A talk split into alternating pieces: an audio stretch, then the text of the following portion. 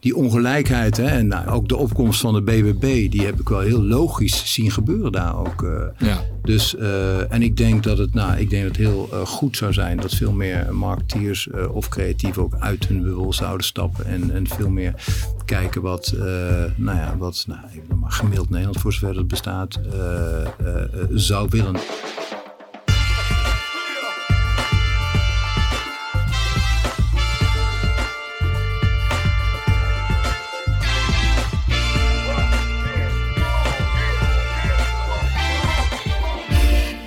Goedemorgen, goedemiddag, goedenavond of wanneer je dit ook luistert. Welkom bij The Brief, een podcast over merken, marketing en content van Wayne Parker Kent.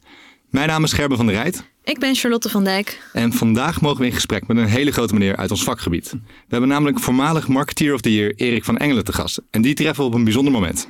Ja, want Erik is namelijk net gestopt bij eh, Wildlands Emmen, het dierenpark. En uh, ja, was daar afgelopen 4,5 jaar algemeen directeur.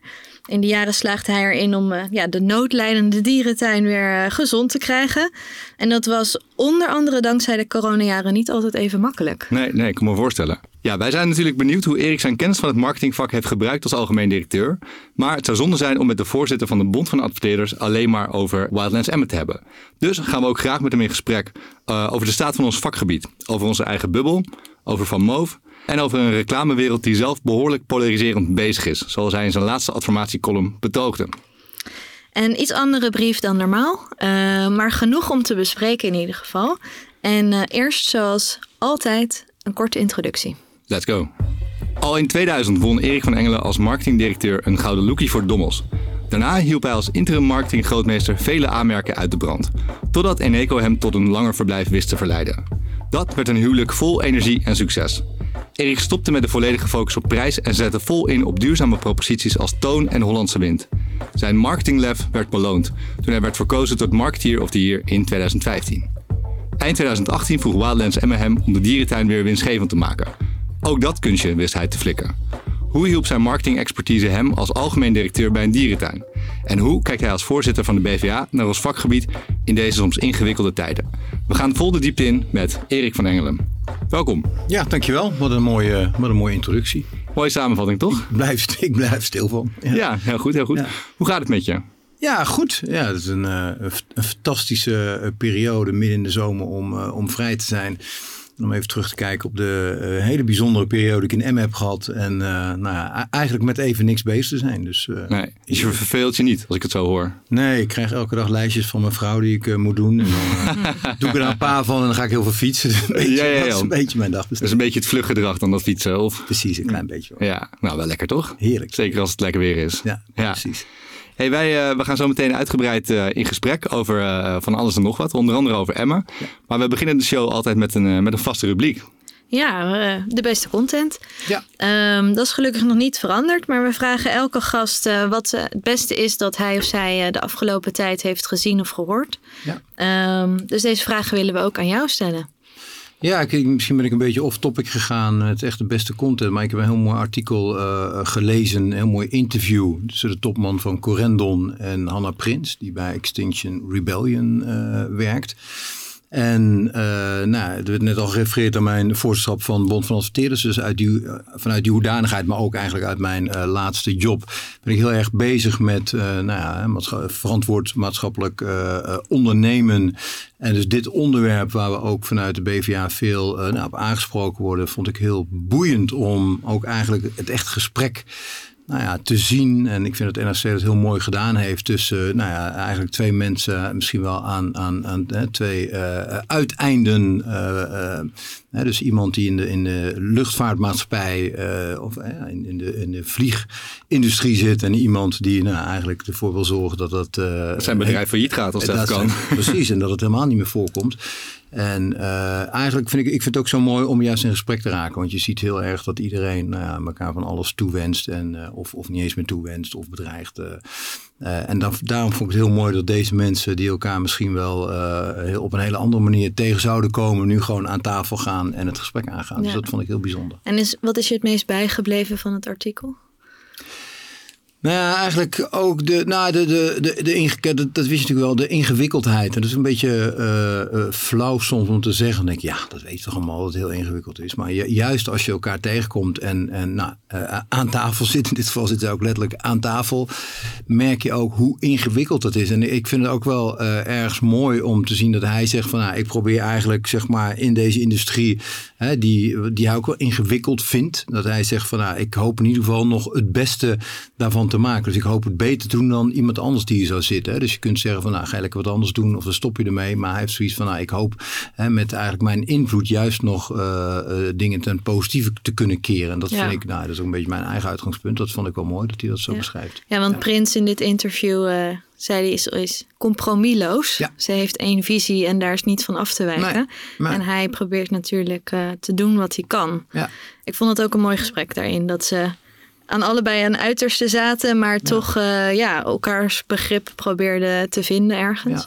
Eh, hij bleek vroeger ook nog een kraker te zijn Ja. geweest. Dus volgens Ja, mij hadden ze elkaar daar ergens eh, gevonden. Ja. Ja. Ja, ik vond ook wel wat ze goed doen in het format van NRC is dat ze de mensen ook, eh, deze twee gasten, voor een langere tijd bij elkaar zetten. Ja. Dus, eh, ze- Overnachtingen bij zelf. Overnachtingen Ja. bij, dus daardoor krijgt het gesprek Ja. ook meerdere lagen en Ja. echt diepte. Ja. En eh, dan krijg je dus inderdaad van die plot twist. En dan blijf je niet zeg maar verankerd in je eigen gelijk. Zoals je, eh, ja, toch het risico is bij zo'n eh, bij zo'n ja, gesprek eigenlijk. Ja. Of zo'n interview. Vond ik mooi. Ja. En wat ik ook wel mooi vond was dat hij op een gegeven moment zei dat hij door zijn industrie wel gezien werd als een klimaatdrammer. Absoluut, ja, dat, Dus dat- vond ik dus ook mooi. En dat kan dus ook, hè? Precies. Ja, dat kan, ja. Ja, dus dat laat ook wel zien hoeveel lagen er in die hele, of hoeveel gradaties er Ja. zijn in dat hele, ja. Ja. dat hele verhaal. Dus gingen bijna nog samen op de fiets eh, terug. Bijna. Dat is, bijna, ja precies. Bijna. Vond wel bijna een mooi einde. Ja. Bijna mooi einde. Ja. Nou, sowieso een mooie tip. ja. Dank. We zetten hem eh, in de show notes zoals altijd. Leuk. En die eh, vind je, als je luistert, vind je die weer op www.debrief.nl. Eh, net als eh, alles wat we zo meteen in het interview gaan bespreken. Dus laten we daar snel mee gaan beginnen. ja. Veel mensen noemen je uitverkiezing tot Marketeer of the Year eh, bij Eneco een persoonlijk hoogtepunt. Mhm. Zie je dat zelf ook zo? Mm, Nou, het was wel mooi. Nou, nee, ik vond het geen persoonlijk hoogte, maar ik vond het wel een hele mooie erkenning. Weet je toch, eh, nou, het is, eh, de energiebranche is ook een lastige branche. Je hebt heel veel van die branches waar je niet per definitie, zeg maar, eh, de, de bloemen krijgt. Want dat je toch altijd moet uitleggen. En dan moet je zeggen, we zijn echt groen. En mensen hebben dan eh, hun reserveringen. En ik vond het wel heel erg mooi om ook bij zo'n corporate energiebedrijf. Dat je dan echt wel, nou, dat je de waardering krijgt voor de dingen die je doet. Eh, en dat ze ook echt kloppen. Dus ik, ik vond het wel, is zakelijk wel een hele mooie erkenning. Eh, ik weet niet of het hoogtepunt was. Maar Kan je een hoogtepuntje noemen? Een zakelijk hoogtepunt. Ja, ja. Ja, als dit het niet was, dan ben ik benieuwd Ja, wat wel. wat- dan ja, wel? ik denk, ik denk nog veel meer de afgelopen 4,5 jaar. Het was echt wel, eh, dat was zo'n eh, perfect storm voor mij. Waar heel veel dingen en, en waar je ook echt voelt dat je zelf, dat je heel van je persoonlijkheid in hebt kunnen stoppen. En dat je ook heel veel mensen zingeving hebt gegeven. Dat je toch aan het, nou ja, aan het hoofd staat zeg maar, van een bedrijf waar 500 man, eh, nou al- niet altijd om, af en toe naar jou kijken. En, en, en van echt, eh, nou ja, een hele slechte positie naar een hele mooie positie. Eh, en dan is zo'n afscheid, maar afscheid was misschien wel mijn hoogtepunt. En dan hoor je al die dingen en dan denk je echt, nou wauw, dit Ja, is eh, cool. heel mooi. Ja. En daar gaan we het zo over hebben. Ehm, maar ja, voordat je bij Eneco beleeft pakken, heb je bijna twaalf jaar lang als eh, interim marketing, marketeerklussen gedaan eigenlijk. En inmiddels ben je ook weer actief als interim specialist. Wat trekt je zo aan aan dat interimwerk? Zo begon ik ook bij Eneco overigens. Maar dat, eh, ik snap ook dat mensen, dan- dat, dat, en dat heb ik natuurlijk elke keer, dat, dat je begint al, ik begin meestal met een drie maanden contract. Maakt me ook niet uit. Ik zeg altijd, joh, prima. En als we na drie maanden het niet meer leuk vinden met elkaar, dan ga ik wat anders doen, ga jullie wat anders doen. Dus ik vind prima. Even goede vrienden. Bij Eneco begon ik ook, dus altijd, ik weet niet, een soort, soort magische drie maanden. En dan, eh, ik bleef daar negen jaar uiteindelijk. Dus, eh, dus ik, ik, Iets ik, verlengd. ik, ik ken dat, dat langer blijven dan eh, voorzien. Maar ik vind het ook wel een heel fijne insteek. Omdat ik zoiets heb van, nou weet je, nou, dat is prima. Dan kun je heel goed eh, kijken of het, eh, of het klikt. Ik, ik probeer echt wel, zeg maar, ja, ik moet echt wel geloven in de opdracht. Anders ga ik het ook niet doen. Eh, dus ik vind het een heel fijn uitgangspunt om op die manier te beginnen. Maar dat was je vraag niet, volgens mij. Nee, wat, wat je zo aantrekt in het interimwerk. Nou, eigenlijk dat wel. Je blijft heel fris uh, onder. Ik vind het, uh, het is toch misschien, ik hou heel erg van afwisseling. Ik hou heel erg van uh, uitdaging. Als het saai wordt, dan, dan begint het echt te kriebelen. Dus ik vind het heel erg fijn om, kijk, als je op interimbasis met elkaar werkt, heb je eigenlijk het idee, dan kun je elke keer weer, nou ja, iets anders gaan doen. En kan ook de andere kant denken van, nou, weet je, nu is, die, nu, nu is het een beetje het, elastiek uitgerekt. dan gaan wij misschien wel wat anders doen. Dus het houdt, houdt heel erg fris. Ik had ook bij Wildlands elke keer met de Raad van Commissarissen gingen gewoon samen zitten en zeiden, nou, wat gaan we doen? Gaan we nog uh, verlengen of stoppen we? En dan krijg je in plaats van dat je nou, het idee hebt van ik blijf hier misschien wel tot ik een gouden loge krijg. uh, heb, ja, dan, dan, dan sta je elke keer, uh, nou, nou, moet je veel meer in de spiegel kijken. En ook de andere kant kan ook in de spiegel kijken. Van nou, brengt hij nog voldoende? Eigenlijk zou iedereen dat misschien wel moeten doen. Ja. In plaats van uh, dat je het idee hebt van ik blijf. Ik kan me voorstellen dat je, dat je scherper blijft van beide kanten. Ja, denk het wel. Denk het echt, ja. ja. Ik denk niet dat hij dat aan kan. Hè? Het, is ook, het, is ook, het heeft iets onzekers. Ja. Uh, omdat je denkt van ja, en, hoe zit het dan? Maar ja, dat is, dat is een beetje, in, in die mix vind ik het wel heel fijn om het op die manier te doen. En heb je ook elke keer een, eenzelfde type opdracht gehad? Of ben je altijd de fixer geweest? Of je bent altijd in hoge nood gekomen? Of, uh, de crisismanager. De crisismanager. Ja, vaak wel als er echt iets, uh, als er echt iets veranderd moet gaan worden. Dus, dat, dus dat, is, dat is denk ik wel, als er echt een opdracht ligt. Hè, je, moet, nou, je zou niet moeten vragen als, als, als iemand met zwangerschap gaat en je moet vier maanden lang op de winkel passen. Maar goed, dat wil niemand denk ik. Maar, maar dat, dat, dat, nou, dat moet je me echt niet vragen. Dus het is meestal wel, bij het begin is voor mij heel belangrijk van wat is de vraag? Wat is de, wat is de opdracht? En dan word ik heel erg enthousiast of helemaal niet. Uh, dus dus uh, ja, fixen vind ik wat, wat opportunistisch klinken. Maar het is inderdaad wel, nou, als er echt iets moet gebeuren, dan nou, dat, dat is wel een koffie naar mijn hand vaak. Ja. Was toen eind 2018 toen uh, Wildlands Emma je belde en vroeg om algemeen directeur te worden. Ja. neem ons eens mee, want je hebt het net gezegd over er moet wel iets gebeuren. Ja. in welke staat ver, verkeerde de dierentuin toen, toen ze je belde? Ja, dat was niet best. Het was uh, eigenlijk in de zomer 2018 ging het mis. Ik zal een heel klein, uh, klein beetje terugblikken. Uh, ja, voor degenen die het niet kennen, 2016. dus eigenlijk de oude dierentuin, zoals het vaak genoemd wordt. Hè. Emmen is stond bekend om een dierentuin die meer dan 70 jaar daar bestaan heeft. Die furore heeft gemaakt in de jaren 80. Dus echt, nou, Emmen en de dierentuin zijn wel, zeg maar, echt aan, met elkaar verbonden. maar die dierentuin die er toen stond, was economisch en technisch afgeschreven. Dus daar moest iets mee gebeuren. Toen ontstond het plan om uh, een dierentuin, annex uh, en een theater te gaan bouwen uh, aan de andere kant van Emmen. voor 200 miljoen. Met een heel nieuw concept. Dus eigenlijk een, een themapark, een belevenispark met een ongelooflijke hoge ambitie. En daar ging het eigenlijk mis. Dus uh, om 200 miljoen te kunnen uh, uh, verantwoorden, nou, moest de business case ook stevig zijn. En die werd ingeschat op 1,2, 1,3 miljoen bezoekers. en onder het mom van een themapark. Nou, dat uh, dus 2016 door de koning geopend in maart. Uh, en uh, het eerste jaar werden eigenlijk die torenhoge ambities waargemaakt. Maar onderhuids waren er al heel veel commentaren van gasten die eigenlijk niet helemaal goed begrepen waar ze naar keken. De prijs was van het themapark, alleen de beleving was nou ja, eigenlijk een beetje vlees nog vis. Van waar mm. kijk ik nou naar? Kijk ik naar een dierentuin of kijk ik nou naar een pretpark? Dus eigenlijk daar waar het eerste jaar de bezoeksaantallen wel gehaald werden, was de waardering niet navenant. En dat ging eigenlijk de jaren daarna zo door. Tot in 2018. Uh, nou, uiteindelijk werden toen iets meer dan 800.000 bezoekers getrokken naar Emmen. In plaats van 1,3 miljoen. Nou, dan zit je dus met een, in dit geval met een Flink van, van 9 miljoen. Zo. Dat was eigenlijk, ik kwam echt op het moment dat de, het FD kopte het Griekenland van het noorden allerlei, nou ook marketingadviseurs. Dat vond ik wel kolderiek eigenlijk om te zien. Allerlei marketingadviseurs die zeiden van nou, het is een mislukt project enzovoort. Een beetje de Floriade. En, nou, dus het werd echt helemaal een beetje kapot geschreven. De financier die mokten, maar er moest iets gebeuren, want op die manier kon het u niet doorgaan. Dus, dus ik kwam echt dat het nou ja, eigenlijk wel een beetje op zijn rug lag. Ja. ja. En, en waarom zagen ze jou dan als een geschikte persoon om deze dierentuin weer gezond te maken? Ja, nou dat was inderdaad wel ook een bijzonder gesprek. Want uh, er waren na, naast mij nog heel veel andere kandidaten die dachten dat ze dat konden. En dat waren allemaal mensen die uit de uh, leisurewereld uh, slash diertuinwereld kwamen. En ik had daar echt geen kaas van gegeten. Uh, maar ik had wel uh, uh, daarvoor heel veel dingen gedaan die eigenlijk hier allemaal samenkwamen. Dat is contacten met de media. Want we wisten allemaal, hè, als je met publiek geld, als daar een groot verlies ontstaat. de gemeente was destijds deels aandeelhouder.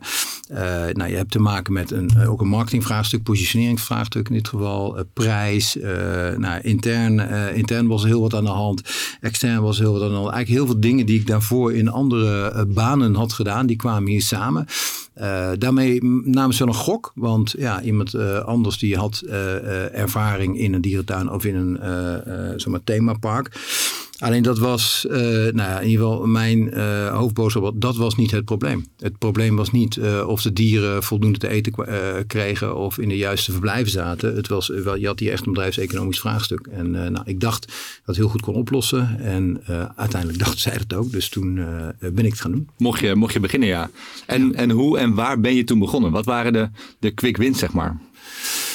Nou, er waren, er waren, niet zoveel quick wins. Ik denk, kijk, uh, het belangrijkste was dat er moesten een paar dingen. Kijk, de gemeente die zag natuurlijk, die was de deels aandeelhouder en, en die maakte zich zeer grote zorgen. Want uh, publiek geld, uh, nou ja, uh, als, als het niet goed gaat in een, ook in een regio, in een krimpregio. Hè, dus dat is ook belangrijk om. Mm. dus de dierentuin is heel belangrijk, niet alleen voor Emmen, maar ook voor heel Noord-Nederland. Dus, dus alle ogen waren erop gericht. Als trekpleister voor de regio. Ja, zeker. Ja. ja het is de grootste toeristenattractie boven Zwolle. Dus dan eigenlijk is er, er is niks wat er in de buurt komt. Dus dat is, dat is een hele belangrijke economische trekpleister ook. en als er zoiets misgaat, ja, dan, dan moet er echt wel iets gaan gebeuren en ook heel snel. Dus, dus eh, de gemeente wilde heel snel uh, nou, eigenlijk een, een, een, nieuw businessplan wat ook realistisch was, maar ook ambitieus. De andere twee aandeelhouders die, die, die zeiden ja, er moet iets gaan gebeuren, want zo gaat het niet goed. Ik zat al bij bijzonder beheer van bij Rabobank. de omgeving die voelde zich ook heel erg, nou, die waren heel erg teleurgesteld, want de hele grote belofte werd niet waargemaakt. personeelsleden die zaten, die zaten elkaar aan te kijken van wat, wat, wat gebeurt hier, hè? omdat er heel veel over werd geschreven vooral en die zagen op een gegeven moment ook wel, het gaat niet goed. Dus nou, eigenlijk keek iedereen er naartoe van jeetje, wat, uh, wat, wat gaat hier gebeuren? Dus er moest echt wel, uh, er moest heel, ook heel snel ingegrepen worden en uh, nou, harde keuzes gemaakt worden. Ja, okay, dus er waren geen quick wins. Nee. Maar je komt daar toch aan op je eerste dag. Ja. Waar, waar ben je begonnen? Hoe heb je het aangepakt? Nou, de eerste dag was er weinig uh, tijd om uh, adem te halen. Ik heb in een aantal interviews ook gezegd uh, dat normaal gesproken zegt iedereen, nou heel veel plezier op je eerste werkdag. En mij werd heel veel sterkte gewenst. dus dat was een beetje de gemeenschappelijke delen. En eigenlijk, ja, dat was, was de eerste. De ochtend zat ik met mijn managementteam. De middag zat ik met het raad van commissarissen. S'avonds zat ik met de financiers. Ja, we moesten echt heel snel, moesten de knopen gehakt worden. Want er was, was gewoon geen geduld, er was geen tijd. er moest echt iets gebeuren. Dus ja, eigenlijk hebben we, uh, nou, ik denk dat ik binnen twee maanden heb ik een plan moeten presenteren.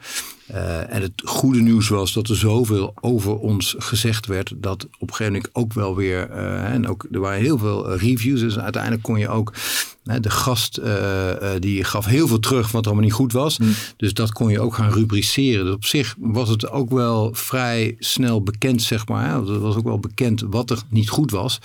Dus nou, dat, dat, dat moest ik zeg maar logisch gaan ordenen en op een gegeven moment een aantal uh, dingen gaan uitzetten, waardoor nou ja, ook weer de oplossing, zeg maar, of de oplossing, maar uh, een nieuw uh, plan, met, een realistisch plan zichtbaar werd. Ja. ja. En wat werd er dan voornamelijk zichtbaar voor de bezoeker? Want je zei net al, het was een soort een themapark, was de bedoeling.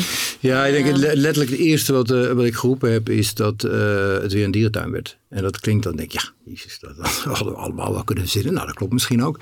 Alleen ik denk gewoon, hè, want iedereen zat continu drie jaar lang is eigenlijk zegt, nee, het is geen dierentuin, het is geen pretpark, het is een themapark. Een belevenis. Een belevenispark, precies dat. Waarbij mensen dachten, ja, wat is dat nou precies? En je betaalt 30 euro, dat is, dat is niet een prijs voor een dierentuin, dat is een, voor een pretpark. Maar het is geen pretpark, dus dat, die, die prijs is ook veel te hoog. Dus daar ging het eigenlijk mis. Dus, dus hè, dan, vlees nog vis, dat, dat, is een, dat, dat, dat, dat dekt al de lading, denk ik. En uh, dus mensen die en die zeiden, nou, ik, ik, weet niet precies waar ik naar kijk. Dus het feit, we heel duidelijk, en, en, en van de voorganger die zei altijd van, nou, ik, ik, ik, dit, is eigenlijk ook de, de, de, het thema, of, of de, de woorden die we gebruiken. En het is geen dierentuin. En het feit dat toen zei van, uh, het wordt weer een dierentuin Maar het was symbolisch heel belangrijk, denk ik, dat mensen zoiets hadden van, nu komt het realisme en eindelijk weer iemand die, die zegt uh, hoe het zit. En, en dat was misschien wel het nieuwe, het, het, realisme wat terugkwam. En ook dat mensen eigenlijk erkend werden. Want ieder, ja, heel veel mensen zeiden dit al. Het is toch gewoon een diertuin. Ja.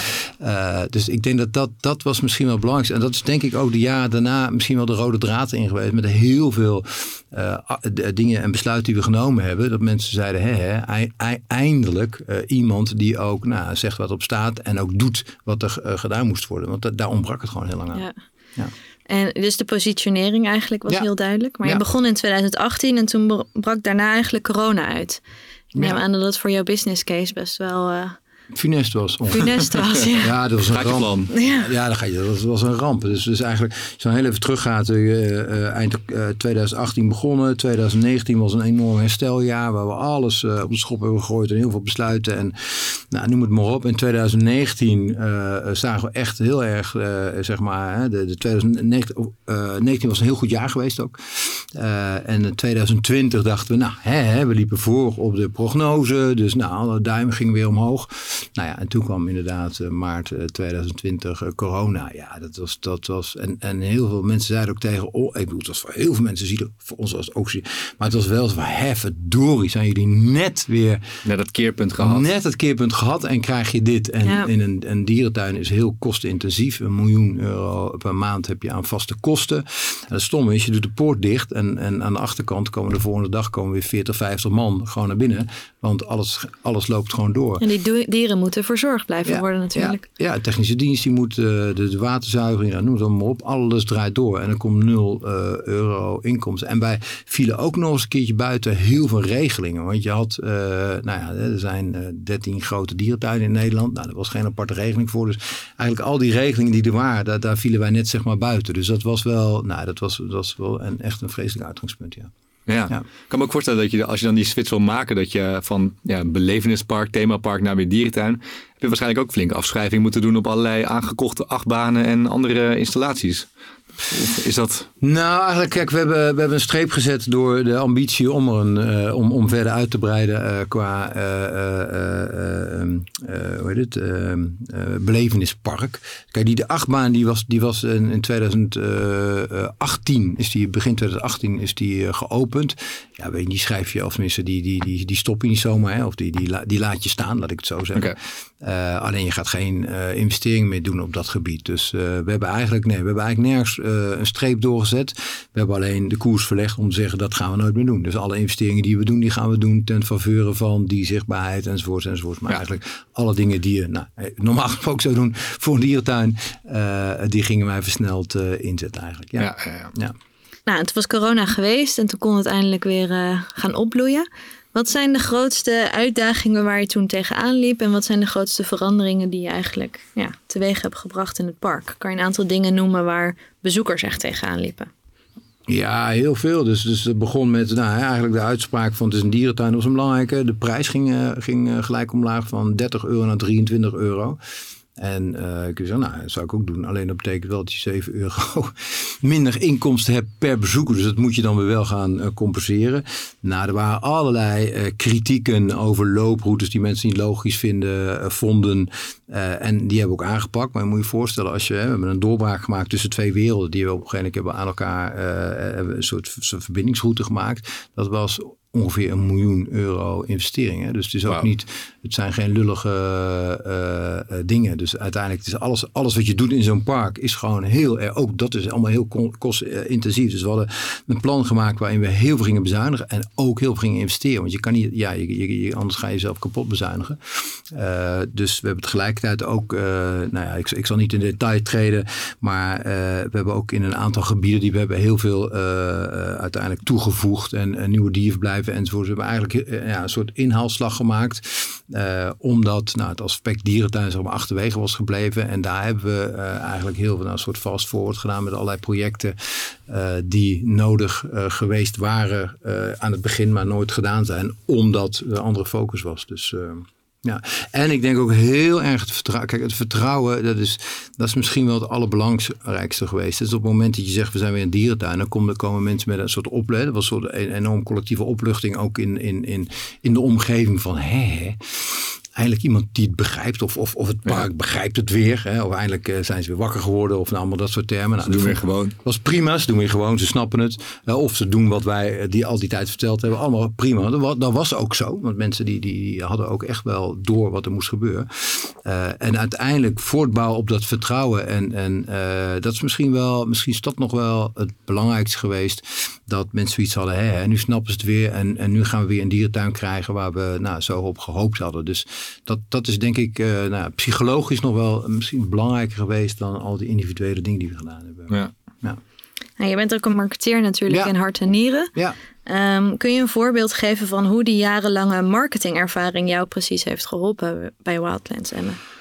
Ja, ik denk, ik denk dat het eigenlijk door alle aspecten. Kijk, het is niet zo dat ik op een gegeven moment. eh, wat ik juist niet wilde doen, is een. Kijk, ik, dat kon ook niet. Een marketing trucje, om het zo maar. Hè. Dus, dus het was niet iets wat ik uit de hoge hoed kon toveren. Ik dacht, nou, als ik dit nou doe, dan komt het helemaal goed. Want daar was de problematiek eh, te ingewikkeld voor. Er was niet één of twee dingen. Ik kon niet een andere met een andere naam zitten.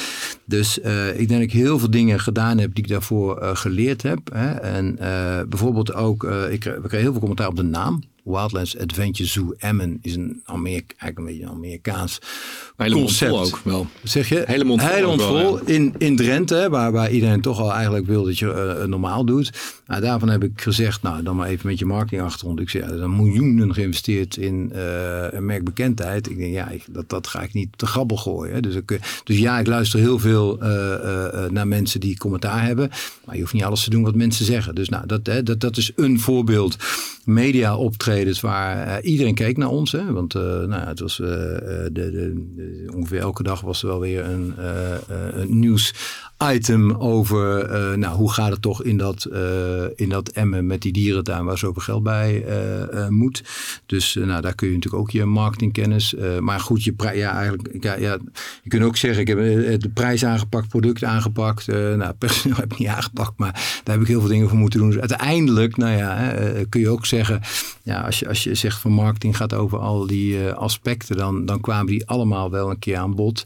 Eh, alleen het moest eh, in een snelkookpan en eh nou, er moesten draconische maatregelen komen ook. Dus je had geen tijd om heel rustig achterover te leunen en een, een marketingplan te gaan maken of zo. Dus het moest allemaal in een soort nou, snelkookpan. Ja, Ja. ja. En de meeste CEO's zijn personen vaak met een ja, commerciële of financiële achtergrond. Ja. Ehm, het komt helaas wel zelden voor dat marketeers echt op die plek terechtkomen. Waarom denk jij dat het is? Nou, is, dan gaan we eventjes, dan, dan is wel, kijk, dan gaan we even terug naar 2015 toen ik eh, verkozen werd tot marketeer van, eh, van het jaar. Eh, dat was ongeveer dezelfde maand als, ik, als dat ik mijn CCO-rol kreeg, Chief Commercial Officer bij Eneco, van directeur marketing naar Chief Commercial. Toen ik verkozen werd tot marketeer of the year, werd de raad van bestuur werd heel zenuwachtig. Die dachten van, hè, hebben we nou een marketeer, eh, ben, je- ben je nou marketeer of ben je nou... eh, Hebben die in, in een torentje gekregen opeens, ja. ja, dus, dus, dus, dus, dus, dus eigenlijk om aan te geven dat, dat mensen het nog steeds ingewikkeld vinden. Ja. En eigenlijk eh, eh, die titel Marketeer of Year heb ik ook, heb ik ook weggepoetst van mijn LinkedIn profiel toen ik bij de dierentuin begon. Omdat ik dacht, ik wil niet dat iemand de indruk heeft dat ik daar een marketingverhaal ga ophangen. Dus ik denk dat marketing heeft ook nog best wat negatieve connotaties. Hè. We denken we snappen allemaal wel waarom. Ik bedoel, als mijn dochter, eh, ik heb twee dochters, als mijn dochter 's ochtends een pakje uit de koelkast neemt en er staat 0% vet, dan zegt ze, geloof je dat zelf? Hè, om aan te geven dat, dat nou ja, eh, wij marketeers, laat ik het maar even in de wijvorm, eh, eh, ook heel veel dingen doen waarvan je afvraagt of het nou slim is om dat te doen. Hè? Want we verzoeken natuurlijk allemaal die grenzen op en we willen natuurlijk zeggen, ja, maar ja, het is 0% vet, maar ja, je hebt maar niet, ik hoef je niet te vertellen wat, wat er wel in zat. Dus ik denk dat marketing toch wel een beetje ook in een, nou, soms, hè, niet altijd, maar ook in een hoekje eh, terecht is gekomen. Waarin je denkt van ja, het zijn allemaal handige jongens en meisjes die eh, de, de mazen van nou, de wet soms wel, maar ook van de mogelijkheden opzoeken. En daardoor en toch de dingen mooier doen voorkomen dan, dan ze zijn. Dus ehm, ja. Zo iemand ga je niet de sleutels geven van het pand dan. Nee, dat, nee, dat, nee, dat zeg is, dat is toch. Nee, dus dat, dat klopt. Ja. En, dan vragen, en dan vragen mensen zich ook af, ja, maar ja, kan je dan wel dit of kan je dan wel dat? En je, ja, je bent toch echt een marketeer. Maar ik, ik, heb, ik, heb, ik denk 70% van mijn tijd heb ik met financiën uiteindelijk bezig gehouden in de dierentuin. Want dat was uiteindelijk de hoofdmoot. En, ja, en misschien kunnen sommige mensen dat niet die uit de marketinghoeken. Maar je, je zit toch, je, je wordt in een hoekje geplaatst waarbij het toch lastig is om daaruit te komen. En dat heeft denk ik toch met, met nou, die zweem van, ja, ja, het is uiteindelijk eh, doen ze toch maar iets. Hè, een beetje dat, dat trucje, dat is, eh, mensen zeggen ook heel vaak marketing trucje op een of andere manier. Dat marketing en trucje is misschien wel helaas te veel aan elkaar verbonden, maar soms snap ik het ook wel. Ja, nou, en wellicht ook uh, marketing en reclame te veel uh, een ja. hetzelfde gemaakt. Want ik bedoel, dat zijn natuurlijk niet, dat is niet hetzelfde. Nee. Reclame is slechts een deel van het vak. Ja. Um, waarom denk je dat het wel een goed idee is om een marketeer of in ieder geval de regie over marketing zo hoog mogelijk in een organisatie te beleggen? Nou, ik denk, kijk, als het goed is, is een uh, marketeer ook iemand een beetje oor en oog van uh, de onderneming. Die ook echt, zeg maar, hè, het sentiment van buiten naar binnen haalt. En uh, daarmee ook challenged als, als dingen juist niet goed gaan. Dus je kunt ook een CEO hebben die denkt van, joh, ik heb helemaal niks met die consument te maken. Ik wil gewoon maximale, ik wil gewoon een winstmaximalisatie hebben. En, en hoe we dat ook doen. En dan hoop je dat je ook een marketeer hebt die zegt van, ja, we kunnen nu wel hè, toch maar eventjes naar naar Van Moof. Hè, uh, dat is natuurlijk een beetje. Ik, ik wil niet te kort door de bocht doen, maar Van Moof is natuurlijk een enorme aantrekkingskracht gehad. En, en, en, en eigenlijk een fantastische belofte geweest. Alleen op productniveau niet waargemaakt. Nou ja, dat kan je je voorstellen als je een hele sterke CMO bent. Ja. Uh, en, en je kan jouw uh, uh, CEO challengen om te zeggen van ja, weet je, wij kunnen gewoon niet gaan schalen voordat het product, hè, ik noem even, voordat het product gewoon optimaal is. Anders dan kom je, kom je jezelf daar ongelooflijk tegen. Nou, dan, dan kan je dus denk ik echt wel heel goed je, nou, je, je positie bewijzen. Ja, dus vooral eigenlijk een marketeer in de top van een organisatie betekent dat je gewoon goed aanvoelt wat er speelt in de markt en wat, of je product ook klaar is voor expansie, voor groei. Ja, voor... als het goed is wel. ja. ja. Ja.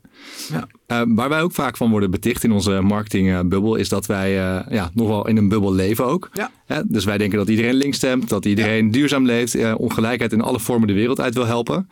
Ja. werk voor een dierentuin in Emmen betekent ook dat je beslissingen neemt voor de gemiddelde Nederlander, voor, de, voor de bezoeker daar. Ja. en dat zijn zeker geen mensen uit de Randstadbubbel, niet alleen maar in ieder geval. Nee, zeker niet. Nee. Wat, wat, hoe heb jij wat heb je daarvan gemerkt in je jaren in Emmen? Ja, dat is, ik, ik, ik, ik ben echt wel een beetje anders gaan kijken. Nou, ik bedoel, ik, ik woon en leef ook in de bubbel. Hè? Dus dat is de disclaimer. Ik zeg, ik ben ook zo iemand.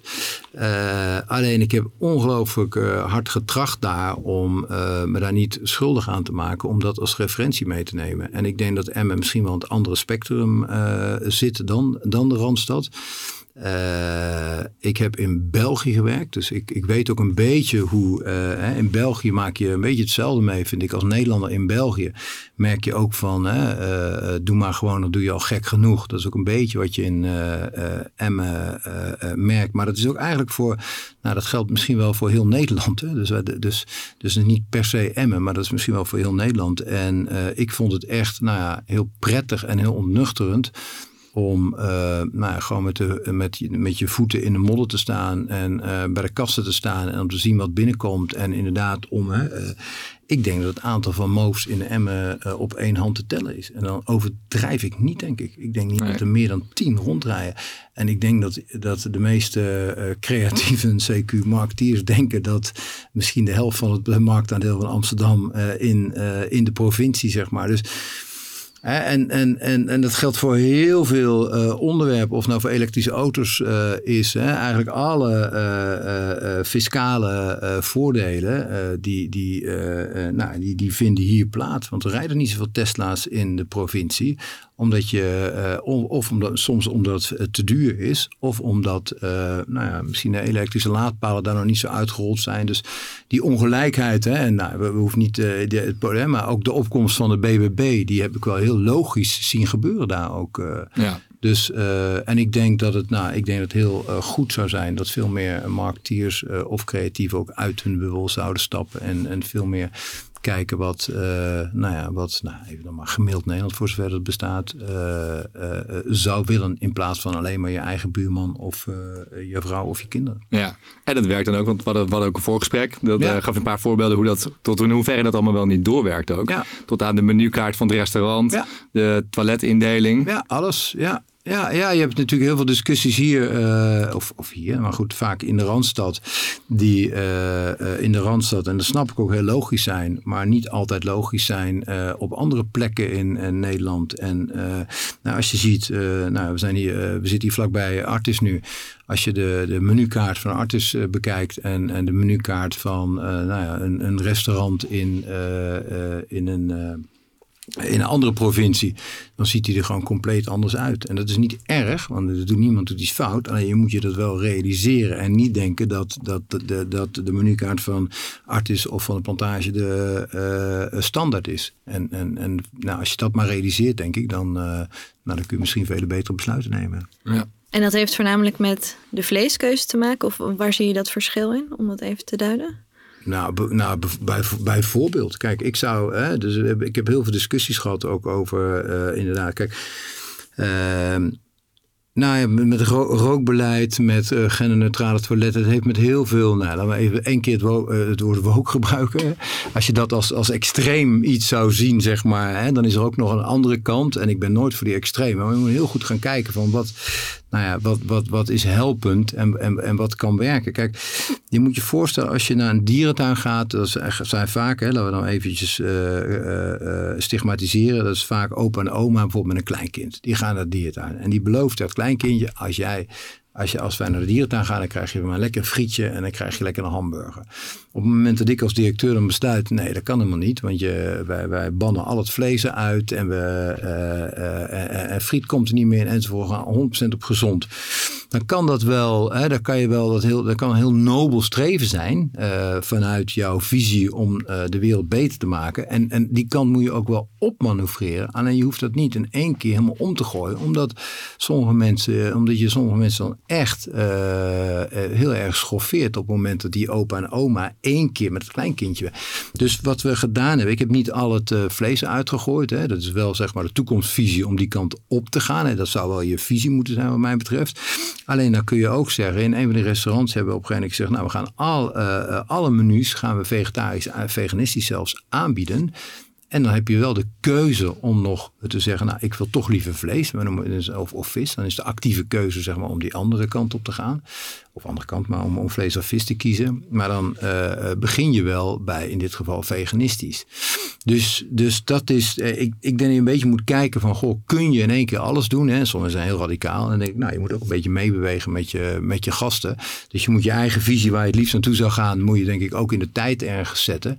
En kijken, kan het al of kan het niet? En, en, nou, dat, zijn, en dat zijn dus vele subtiele afwegingen dan dat je zegt, bam, we gaan in één keer al het vlees uitgooien.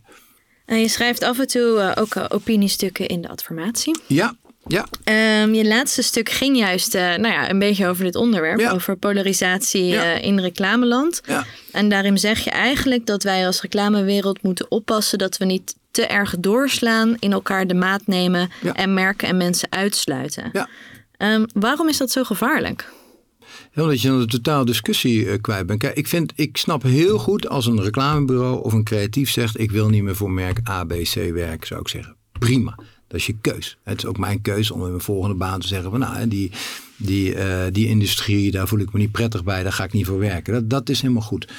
Alleen uh, wat, je kont, wat ik continu terugzie in, hè, of in de reclamewereld, is elkaar de maat nemen en vertellen wat die ander wel of niet zou moeten doen. En dat, dat vind ik een hele lastige. Want je kan prima, ik kan me namelijk heel goed voorstellen, uh, als je reclamebureau bent en je, wil, en, en je werkt voor McDonald's, dat je op, uh, op directieniveau hele goede discussies, juist hele goede discussie hebt. Een beetje die rol van de CMO waar we het net over hadden. Kun je natuurlijk als reclamebureau ook doen om de buitenwereld naar binnen te brengen en discussie aan te gaan of je nou ja, bepaalde keuzes wel moet doen of dat je misschien wel sneller juist naar vegetarisch moet uh, overgaan. Dus ik kan me heel goed voorstellen dat er bureaus zijn die zeggen, nou uh, vanuit die hoedanigheid kan ik juist een hele grote impact of invloed hebben op zo'n bedrijf.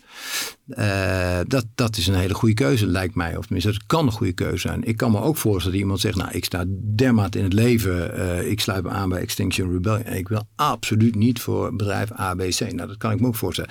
Alleen om elkaar nou continu te gaan aanvallen op die keus die de ander maakt. Dat vind ik zo doodzonde. Want dat, dat haalt eigenlijk alle nou, nuance, discussie, maar ook begrip voor de ander uit, uh, uit de discussie.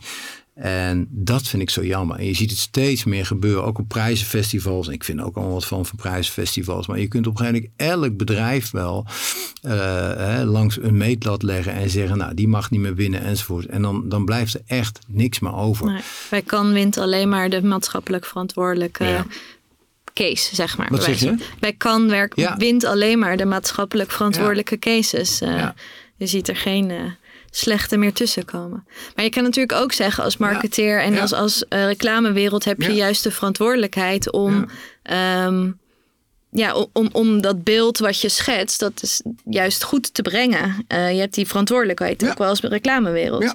Dus, dus hoe zie je dat? Dit is geen um, ja, grijs, uh, zwart of wit gebied. Het is veel grijzer dan dat natuurlijk. Ja, maar om, juist omdat het grijs is, moet je niet tegen elkaar elke keer zeggen uh, wat de ander niet mag doen op het moment, ik bedoel, wat, wat vreselijk is. Stel je voor dat je mij nu vraagt van, goh, ben je nu met de auto gekomen? Ik zeg, ja, ik ben met de auto gekomen. Dan vraag je, heb je een elektrische auto? Nee, ik heb geen elektrische auto, maar ik heb wel een, auto die ik al heel lang heb. En dat is heel duurzaam, want ik hoef geen nieuwe auto te kopen enzovoort. En dan zeggen jullie, ja, wij zijn er wel met de elektrische fietsen. Zeggen, ja, wat gebeurt met die batterijen? Dan krijgen we een hele vreemdsoortige discussie. Ik heb veel liever de discussie hoe we dingen wel, hè, want uh, ik, ik ben de laatste 4,5 jaar alleen maar bezig geweest met hoe kunnen we hè, uh, de wereld beter maken. Uh, ik wilde met het, uiteindelijk heb ik een plan waarbij we de kant op gaan om van het gas af te gaan. En, hè, dus je kunt hele uh, vergaande eh, besluiten ook nemen binnen het bedrijf waar je voor werkt en de juiste dingen doen. Alleen als je dan continu verzelt in ja, maar ja, jullie sluiten dieren op en dat is heel erg slecht, want enzovoort dan, dan ben je elkaar kwijt. En dat is, dat is een beetje mijn oproep toen ook. Hè. Dus ja, je moet de discussie, je moet zeker uh, gaan kijken van, hè, doe je de goede dingen? En dan mag je elkaar uh, op challengen. En ook vanuit de BVA doen we er juist heel erg veel op. Alleen continu zeggen van, hè, dus wij worden ook heel vaak, ja, maar jullie hebben die klanten of die, die uh, leden in je klantenbestand enzovoort. Ja, maar en dat is een beetje ook de discussie, mag je nog adverteren voor vlees enzovoort. En ik vind het lastige, vind ik, dat op het moment dat je elke keer zegt, nou die mag niet meer meedoen, die mag niet meer meedoen. Ja, wat hou je dan over? En op basis waarvan je beslis je. Dus nou, die discussie die, die, nou, die werkt zo polariserend dat ik denk van, dan moeten we in het vak Terwijl we wel uh, hè, ook uh, juist moeten kijken van. Hè, dus ik ben het met je eens dat je zegt van goh, we moeten goede voorbeeld geven enzovoort. Maar uh, dan toch maar eventjes één gevalletje. Hè. Moeten wij niet zorgen dat. Is, is, moeten wij nou de champagne opentrekken op het moment dat we Tata Steel uit Nederland wegpesten? Hè? Is, dat, is dat nou het mooiste moment? Want waar gaat dan de productie van staal naartoe? Gaat die dan naar, naar China en gaan er dan daar twee kolencentrales geplaatst worden om ehm, zeg maar de stroom op te wekken? om uh, die productie te doen. Dus uh, nou ja, de, de, discussie is zo veel ingewikkelder dan uh, jij mag niet meer voor Pietje werken, want het is een heel slecht bedrijf. Dat was mijn oproep. Dus jij bent in deze discussie meer de Corendon-topman dan de Extension Rebellion-leider. Ik hoorde de column-vergelijking goed terugkomen van ja, binnenuit klopt wel, maar innoveren. Ik, ja, maar ik, ik, ik wil wel die stem van uh, Anne Prins uh, continu horen en, en gechallenged worden. Want anders doe je ook niks. Kijk, het, het, ik, wat ik het makkelijk, wat, wat, wat ik niet, hè, even dan maar terug naar de diertuin. Ik kan ook zeggen, ja, mensen vragen om vlees, dus serveer ik vlees. Want dat is wat mijn klant wil. Ja, dat, dat, dat is dus die vind ik veel te makkelijk. Ja, dat is ook wel een beetje wat de topman van Corendon zei. Hè? Die zei letterlijk, als onze klanten massaal vliegvakanties blijven kopen, dan blijven wij ze aanbieden. Ja, ja daar, daar vind ik dus lastig. Dus ik ga, daar, daar ga ik nog wel, tenminste, even, uh, daar probeer ik wel verder in te gaan. Ja. Om te zeggen van ja, maar ik vind ook, ik vind ook als je als, als, als CEO dat je uh, kan kijken van wat kan ik nog, nog verder doen. Hè? En, en soms kost dat, uh, soms doet dat pijn. Hè? Dus, dus concessies moeten of, of uh, principes moeten pijn doen, al zijn het geen echte principes. en ik denk, en, en, soms hoeft het niet heel veel pijn te doen, maar een klein beetje pijn. ik, ik wil het wel opzoeken. Ja. ja. Nou, ik vind vooral wel goed wat je zegt, daar kan ik me wel in vinden, dat als je te uh, te snel gaat, dat je heel veel mensen verliest. Ja. En ik denk dat je daardoor inderdaad ook gewoon mensen tegen je gaat keren, ja. laat keren, waardoor je inderdaad ja, die polarisatie alleen maar in de hand werkt. Ja. Dus als je gewoon wel die stappen blijft zetten, wel de goede, goede kant op gaat dan, zeg maar in onze ogen wellicht, uh, dan, blijf je, dan is, ja, krijg je makkelijker de mensen ook mee. Ja. Ja. Maar dan moet het wel snel genoeg gaan. En dat is denk ik, als we dan nou terugkijken naar dat interview met uh, Hanna Prins en Corendon. Uh, voor haar kan het niet snel Voor haar gingen in ieder geval die stappen bij Corendon niet snel genoeg. Dus dan, dan maar dat vind ik mooi, want ik, wat ik mooi vind is dat is ook haar taak. He, dus, dus Greenpeace. Het schoppen. Ja, en, en kijk, Greenpeace die vindt ook dat wij het niet goed doen. Hè? De Bond van Adverteerders doet het ook niet goed. Dan denk ik, nou, dat is ook je taak. Om dat als Greenpeace te vinden. En dan ga ik ben echt ik ben naar, naar ze toe gegaan uh, om het gesprek te voeren. En dan denk ik, nou, hè, dat, dat doet ook weer iets. En dan rij je weer terug. En dan, uh, en dan denk je, nou, ik heb toch weer wat, meegenomen enzovoort. Dus je hoeft het, je, kan het bijna niet eens zijn. Hè? Want de, de taak van, van beide partijen is heel anders. Maar als het goed is, dan, dan, dan hè, sporen ze ook aan.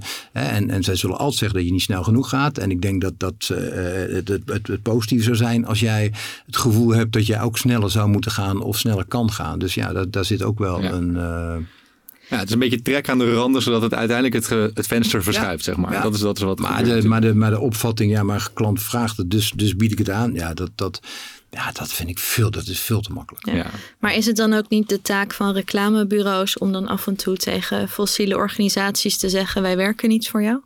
Ja, ik vind het prima, dat, dat, dat mag. Alleen uh, het, ingewikkelde, het ingewikkelde is van elke keer waar, waar leg je de streep en waarom leg je die streep daar? En die, die, die, die, vind, ik, die vind ik zelf ingewikkeld op basis waarvan beslis je dan dat je niet. En nogmaals, individueel mag dat. Alleen als je dan anderen ook aanspreekt en die mag niet meer dit en die mag niet meer dat, dat, dat vind ik maar. Het is meer het belerende wat daarin. Uh... Ja. ja. Is, dan, is dan de oplossing uh, in gesprek blijven met elkaar? Ja, ik denk wel. En als het klinkt, heel ingewikkeld is. Ja, maar en, en op een gegeven moment ook wel, ook wel erg strepen trekken. Je mag wel erg strepen trekken. Als mensen op een gegeven moment continu over het scheef gaan en echt laten zien dat ze, de, dat ze zich niks van aantrekken. Ja, dan houdt het op een gegeven moment op. Maar ik neem aan dat, en, en dat is natuurlijk ook wel weer mooi van deze tijd. Ik, ik denk dat je er op een gegeven moment ook niet meer mee wegkomt. Uh, Nee. En dat is dan denk ik het mooie van, van nou ja, al die. Ik bedoel, ik heb echt uh, heel veel respect voor mensen die inderdaad ook uh, die demonstraties aangaan. En uh, nou ja, dat wel doen daar waar wij gewoon hier in de studio zitten. Ja. dus ik vind het ook wel heel knap dat ze dat doen. Nou, dat, dat zegt Hanna Prins in dat artikel ook. Hè. Die zegt ook van ja, de generatie voor mij, die heeft niks gedaan. Ja. Dus mijn generatie, generatie X, wij, wij moeten gewoon twee keer zo hard roepen en trekken. Om uh, ja, wat, uh, wat verloren tijd in te halen. Ja. En daar heeft ze misschien ook wel een punt. Ja. ja. ja. Welke, wat als we dat dan terugtrekken naar ons vakgebied uh, van marketing, communicatie en ook de BVA. Wel, welke rol zie je daarin voor specifiek voor de, voor de Bond van de Adverteerders? Op dit onderwerp? Ja. Nou, dit is ongeveer nummer één topic wat wij het continu over hebben met, met bedrijven en met onze leden. Dus dit is eigenlijk, ja, dit is naast heel veel andere dingen die we doen, die ik niet ga opnoemen. Maar zijn deze gesprekken, die, daar zijn wij continu uh, uh, mee bezig met onze leden. En, en, je moet je ook voorstellen, leden die worstelen ook mee. Hè? Want het is ook niet, want niet iedereen zit aan de top of niet iedereen zit net onder de top. Sommigen zitten iets verder vanaf. en, en dan is het ook wel, en het is ook wel lastig als jij bij, hè, een vriend van mij die bij KLM zit, die zeggen, nou dat is best lastig, want vroeger kwam ik op een feestje. En was ik de gevierde uh, persoon, want ik werkte voor een heel mooi bedrijf. En nu zegt ze, nou, ik, ik, ik zeg het soms niet eens meer. Ja. Moest nagaan wat er dan gebeurt. Hè? Uh, dus uh, ja, en dan probeer je ook mensen wel handvatten te geven van hoe ga je ermee om? Uh, wat voor gesprekken ga je aan? Maar dat gaat natuurlijk van, hè, dat gaat ook van als je een productie doet voor een commercial, hè, welke, welke modellen gebruik je? Of acteurs, eh, maar modellen in het algemeen. Uh, waar ga je opnemen? Ga je naar, naar ga, uh, vind je dat je het kan maken om naar Afrika te vliegen met de hele crew om daar opnames te doen? En ben je daar, hè, een bewustwording, het begint al denk ik met bewustwording. Ja. Zie je daarin een, een tendens als je dan de gesprekken hebt met, de, met de leden? Zeker, ja? zeker. Ja, ja, ja. Waar iedereen vroeger... Iedereen om, wel. Ja, dat, dat, gaat, dat gaat ik vind dat best hard gaan. Sowieso met, met model. En dat is ook lastig. Hè? Ik heb het ook meegemaakt hoor. Dat, hoe lastig het is om uh, te kijken van wat voor hè, acteurs, modellen gebruik je. Dat, dat, daar is denk ik wel iedereen mee bezig. Van, uh, ga je nou alleen maar uh, nou, witte mensen in je commercial gebruiken of niet. tot en met inderdaad, hoe ga je om met je footprint van je commercial of, of wat. Ik denk dat dat is inmiddels, nou ja, 80% van adverteerders is daar heel bewust mee bezig. Ja, ja. We, we hebben net een, eh, een jongerenonderzoek gedaan ook. Uh, dat doen we elk jaar. En een van de dingen die we dit jaar voor het eerst hebben meegenomen is dat uh, jongeren het meer dan de generaties voor hen verwachten van merken dat ze open en eerlijk zijn over productieprocessen, zwakke punten, sterke punten. Ja. heb je het daar ook over met de leden? Over die open en eerlijkheid? Ja, en dat is natuurlijk soms voor sommige. Als je een kleine bedrijf hebt, is het natuurlijk weer, weer veel lastiger dan wanneer je een uh, beursgenoteerd bedrijf hebt. Hè? Want dan, heb je, dan kan je toch minder makkelijk beïnvloeden. Uh, maar daar hebben we het zeker over. Ja. ja. En ik denk precies wat je zegt. Kijk, dus, in Emmen staat uh, de grootste indoor jungle ter wereld. Hè, die staat in de dierentuin. Ehm, nou, daar hebben we heel veel dingen gedaan om het gasverbruik terug te brengen. Totdat je op een gegeven moment van 2 miljoen kuub naar 1,5 miljoen kuub. nou, op een gegeven moment zie je dat je niet meer verder kan. Uh, dat is ook zo. Hè? Nou, dat, dat verhaal heb ik ook altijd verteld. Op, hè? op dit moment kun je niet anders dan die 1,5 miljoen kuub uh, verstoken per jaar. Maar daarnaast kun je wel kijken van kunnen we binnen nu en vijf jaar überhaupt van het gas af. Ja. Door restwarmte van de industrie te gebruiken enzovoort. Dus dan kun je, ik denk hè, dat, open, dat eerlijke verhaal is van nou, dit, is, dit is de situatie nu. Maar we gaan kijken of we uh, binnen nu en afzienbare tijd zeg maar een andere techniek kunnen gebruiken. Ik denk dat, maar je ziet het ook heel veel productieprocessen worden ook heel snel uh, vergroend. Of, uh, dus ik, er worden ook heel veel stappen genomen. Ja, ja gelukkig wel. Ja. En we hebben het net al heel kort uh, even over Van Moof gehad. Ja. een jaar geleden waren ze ook te gast in de brief. Ook toen al ging het over de snelle groei en welke ja, kinderziektes dat met zich meebracht. inmiddels lijken ze ja, ten, ten onder te gaan aan de snelle groei. Hoe kijk jij daar als, als marketing-expert naar, naar zo'n casus? Nou, wel met tranen in mijn ogen. Want uh, het is natuurlijk uh, het is een fantastisch knap als je een product kan brengen wat iedereen wil hebben. Nee, je wordt uh, nou, voor je sokken gereden ongeveer in, Haarlem. In, in, Amsterdam. In Amsterdam, ja, in Haarlem ook. dus dat is ontzettend knap dat je dat kan. Hè? Dat je zo'n nou, nieuw, nieuw, nou, nieuwe categorie bijna kan introduceren. Eh, dus het is wel heel verdrietig dat dat, nou ja, het gaat stranden. Ik denk, ik kan me niet voorstellen dat dit nog, uh, uh, dat dit nog gered kan worden. Nee. dus het is heel verdrietig. En, en ja, dan zie je, ik denk dat je een paar dingen ziet. dat, dat je ja, je product niet op orde hebben is natuurlijk echt wel killing. En, en dat je dus, dus eigenlijk de, uh, de, de, de eh, buitenkant marketing of de aantrekkelijkheid daarvan zeg maar zwaar laat wegen dan echt je productprobleem. Oh, ik, ik, zeg dat even heel makkelijk. Ik bedoel, het zal veel moeilijker zijn dan dit. Uh, en ik denk ook, hè, de, het FD had een hele mooie uh, kop van artikel van, van Movis uniek. En dat is misschien wel het grootste probleem. Met een aantal te uniek, te uniek in onderdelen enzovoort. Dus en de keuze om rechtstreeks naar de consument te gaan is natuurlijk een hele nobele en, en misschien ook een hele dappere. Alleen uh, misschien had je dan toch wel uh, de winkels nodig voor uh, onderhoud enzovoort. Dus ja. Ja, nou, maar dus, dus mijn marketing hart bloedt wel. Omdat je aan de ene kant een product ziet wat zo gewild is. Hè, en waar mensen nou, zo hard voor sparen om dat te kunnen kopen. Dat is natuurlijk belachelijk duur eigenlijk.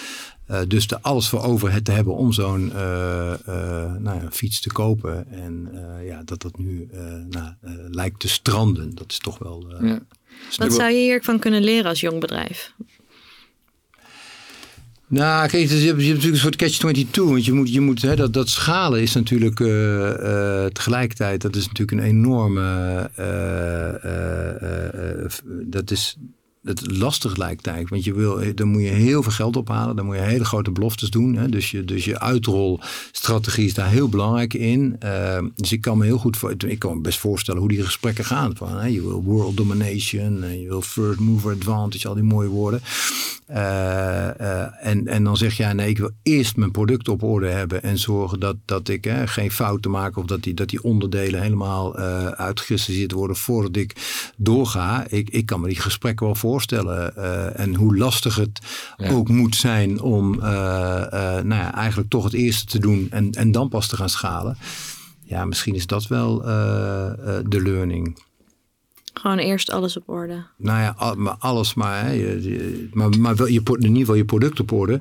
En ook je service op orde. En, en ik denk dat zou wel veel te lang. Want je, die verhalen van, van uh, de, de klachten over de service. Nou ja, ik heb dat natuurlijk ook in, in, in de dierentijd. Ik, bedoel, ik, ga, ik ons niet vergelijken met, met Mo. Die vergelijk gaat misschien maar Maar wel, op een gegeven moment, je, kun, je kunt niet uh, te lange tijd voorbij gaan aan de klachten. Want dat, dat, dat, dan, dan, dan keert de wal het schip. En dat, dat heb, heb ik in Emmer gezien. Op een gegeven moment gaat dat, dan gaat dat keihard fout met 9 miljoen verlies. En hier gaat het keihard fout met nou, misschien wel een faillissement. Dus uh, ja. dat, die, vergelijk, die, die, vergelijking zie ik wel. Dat je gewoon te, te lang voorbij gaat aan uh, nou, de klachten van consumenten. Ja. ja. Zie je dat ook als jouw mooie nieuwe volgende klus? Een jonge speler in, in de markt in plaats van een grote gevestigde naam? Nee, je moet mij niet. Nee, ik ben, ik ben zeker niet voor een uh, start-up uh, uh, in de wieg gelegd. Nee. Waarom niet? Omdat ik denk dat een hele andere, dat is een beetje wat we net zeiden, ik denk dat een hele andere wetten gelden. En ik denk dat ik heel goed een bestaand bedrijf wat een duurzame transformatie moet doormaken. Ik denk dat ik daar veel meer op mijn plek ben dan een bedrijf waar uh, twintig jonge nou ja, uh, jongens en meiden zitten. Uh, Vol bravoure. Ja, ik denk dat maar ik denk dat je daar veel opportunistischer, optimistischer, misschien wel ondernemender moet zijn dan dat ik ben. Dus ik denk dat het heel belangrijk is om te weten wat je goed kan en wat je niet moet doen. dus ik denk dat je daar hele, ik, ik zou de hele dag zeggen, nee jongens, laten we realistisch blijven.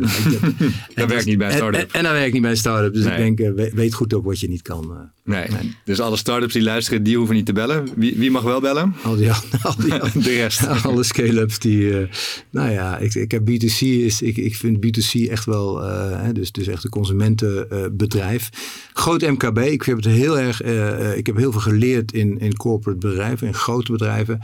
Uh, ik vond het heel erg fijn om uh, in een uh, nou, 500, de 3, tot 300, 500 FTE, zeg maar. Daar kun je veel meer zeg maar, nou ja, vorm geven aan het bedrijf dan voor zo'n groot bedrijf. Daar komen weer hele andere processen te kijken. Dus, dus, en als die bedrijven zeg maar, duurzaam willen transformeren, dan sta ik na de zomer klaar.